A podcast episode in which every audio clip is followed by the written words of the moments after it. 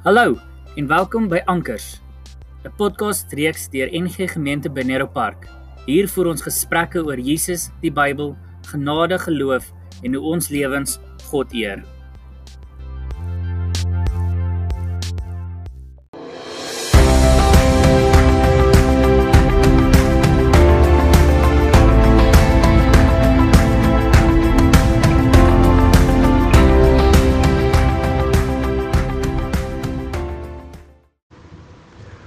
Goeiemôre.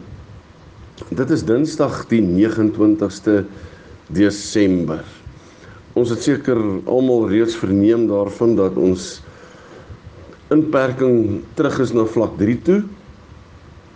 En vir ons as gemeentes beteken dit dat ons nie eredienste kan hê nie. Dit is die een ding vir die volgende 14 dae. So dit raak ons oujaarsdiens, ons diens van die 3de en die 10de Januarie 2021. So hou dit net 'n gedagte dat daardie eredienste nie oop is of dat ons dit nie gaan hê in die kerk nie, maar dat dit steeds op die op Facebook beskikbaar gaan wees.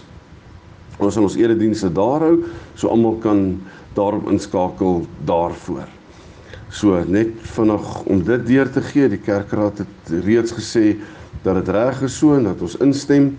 Ehm um, nie dat ons 'n keuse het nie, maar net om dit amptelik te maak dat ons kan sê die kerkraad het dan amptelik daardie besluit geneem dat ons eredienste op die vroegste die 17de Januarie weer in volle swang sal afskop by die kerk. Alles hang natuurlik af van wat die toekoms vir ons inhou. Intussen bly veilig. Dra masker, ry net as dit nodig is en al daai goed wat ons gehoor het gisteraand. So met die koronavirus en COVID-19 wat in die begin van die jaar sy kop uitgesteek het, het ons baie nonsens ook gehoor rondom goed wat die Here vir mense sou gesê het. En een van die goed wat met my gebeur het is dat iemand het sommer vroeg in die virus um toe ons op lockdown is hier op um in ja middel na einde Maart toe gesê um die Here het aan 'n het in 'n profesie aan iemand verskyn aan 'n aan 'n jong seun en uh volgens hierdie profesie sou die Here die virus op die ek dink is die 30ste uh of die 31ste Maart of die 30ste April, ek dink is die 30ste April sou dit die ja, die 30ste April sou dit opgehou het en hy sou dit gestop het en die wêreld sou teruggekeer het na normaal. Toe toe gebeur dit nie. En toe stuur ek vir die persoon net tekste wat sê ons moet net onthou wat die Bybel ons ook leer oor profesie. Dat as dit nie waar word nie, in die Ou Testament is valse profete gestenig, hulle is doodgemaak want hulle het in die naam van die Here konsuis het hulle goed gesê en dan dit het nie gerealiseer nie. So het baie mense goed in die naam van die Here gesê rondom COVID-19. Ek dink daar is baie van julle wat van hierdie boodskappe gekry het dat hy gaan dit uitwis en o o ja, toe kom die 40 dae lockdown en toe's almal gaande oor die 40 dae soos met Noag en so aan in Jesus in die 40 dae. En toe het ek daarna gesê, ons moet net onthou 40 dae beteken nie 40 slaapies nie. Dit is net 'n lang tyd. Dit is wat die antieke tyd gebruik het of in die antieke tyd het hulle 40 dae gebruik om te sê dis 'n lang tyd.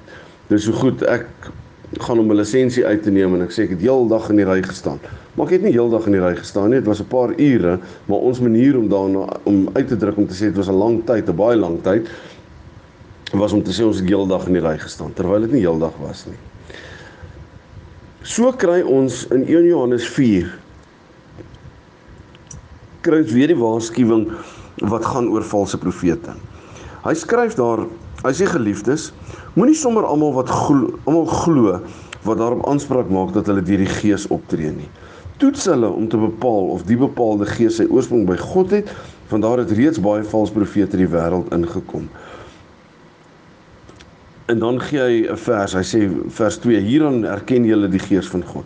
Elkeen wat erken dat Jesus Christus werklik ten volle mens geword het, is van God afkomstig. Elkeen wat Jesus nie erken nie, is nie van God afkomstig nie. Dit is tipies van die anti-kris. Jy het mos gehoor dat hy aan die kom is en hy is nou reeds in die wêreld aanwesig. So baie mense wat mense probeer mislei deur te sê dat hulle profete is, sal maklik wolf wolf skree en dan gebeur daar niks nie. Soos byvoorbeeld met COVID. Het baie mense dit gedoen. Ek het na gebede gekyk ehm um, van Amerikaanse voorspoedspredikers wat net gesê het hoe curse hulle die virus en in die naam van Jesus moet die virus weggaan en so aan en I command you en al sulke goeders. Ehm um, en dan gebeur dit nie. En dan twyfel ons baie. So ek wil vanoggend sommer net uit hierdie teks uit sê kom ons word versig. Kom ons wees versigtig vir wanneer iemand sê ek het 'n profesie vir jou. Dit het met my ook al gebeur en dat daar niks van gekom nie. En dan hou 'n mens daaraan vas. En dan dink jy dis God. Intussen is dit mense. Mense kry gereeld waarskuwings teen valse profete in die Bybel. En ons kan maar net gaan kyk Matteus 7:24. Ehm um, daar's 'n paar verse. En sulke profete kom baie eg voor dat dit lyk maar of hulle regtig van die Here af is. En kyk bietjie wat sê Matteus in hoofstuk 7 vers 15 oor hulle optrede. Hy sê op die oog af lyk hulle soos onskuldige lammetjies, maar in werklikheid is hulle gulsige wolwe. Die bedoeling van valse profete is om gelowiges weg te lei van die waarheid af en hulle so ver te kry om 'n dwaalleer aan te hang baie keer. Of in ons tyd is valse profete ook om vir 'n mens vals hoop te bring, nê? Dit gebeur ook. Um so kom ons wees maar net versigtig, veral in 'n tyd wat ons nou het. In 'n groot tyd van onsekerheid, COVID-19, 'n klomp onbekende goeters, dat ons maar net so versigtig sal wees vir dit wat ons glo. Veral as iemand sê maar ek sê vir jou in die naam van die Here dit of dat, dat ons veral daarvoor versigtig sal wees. Um en maar net sal bly by dit wat die woord vir ons leer. 'n Belangrike ding om te doen.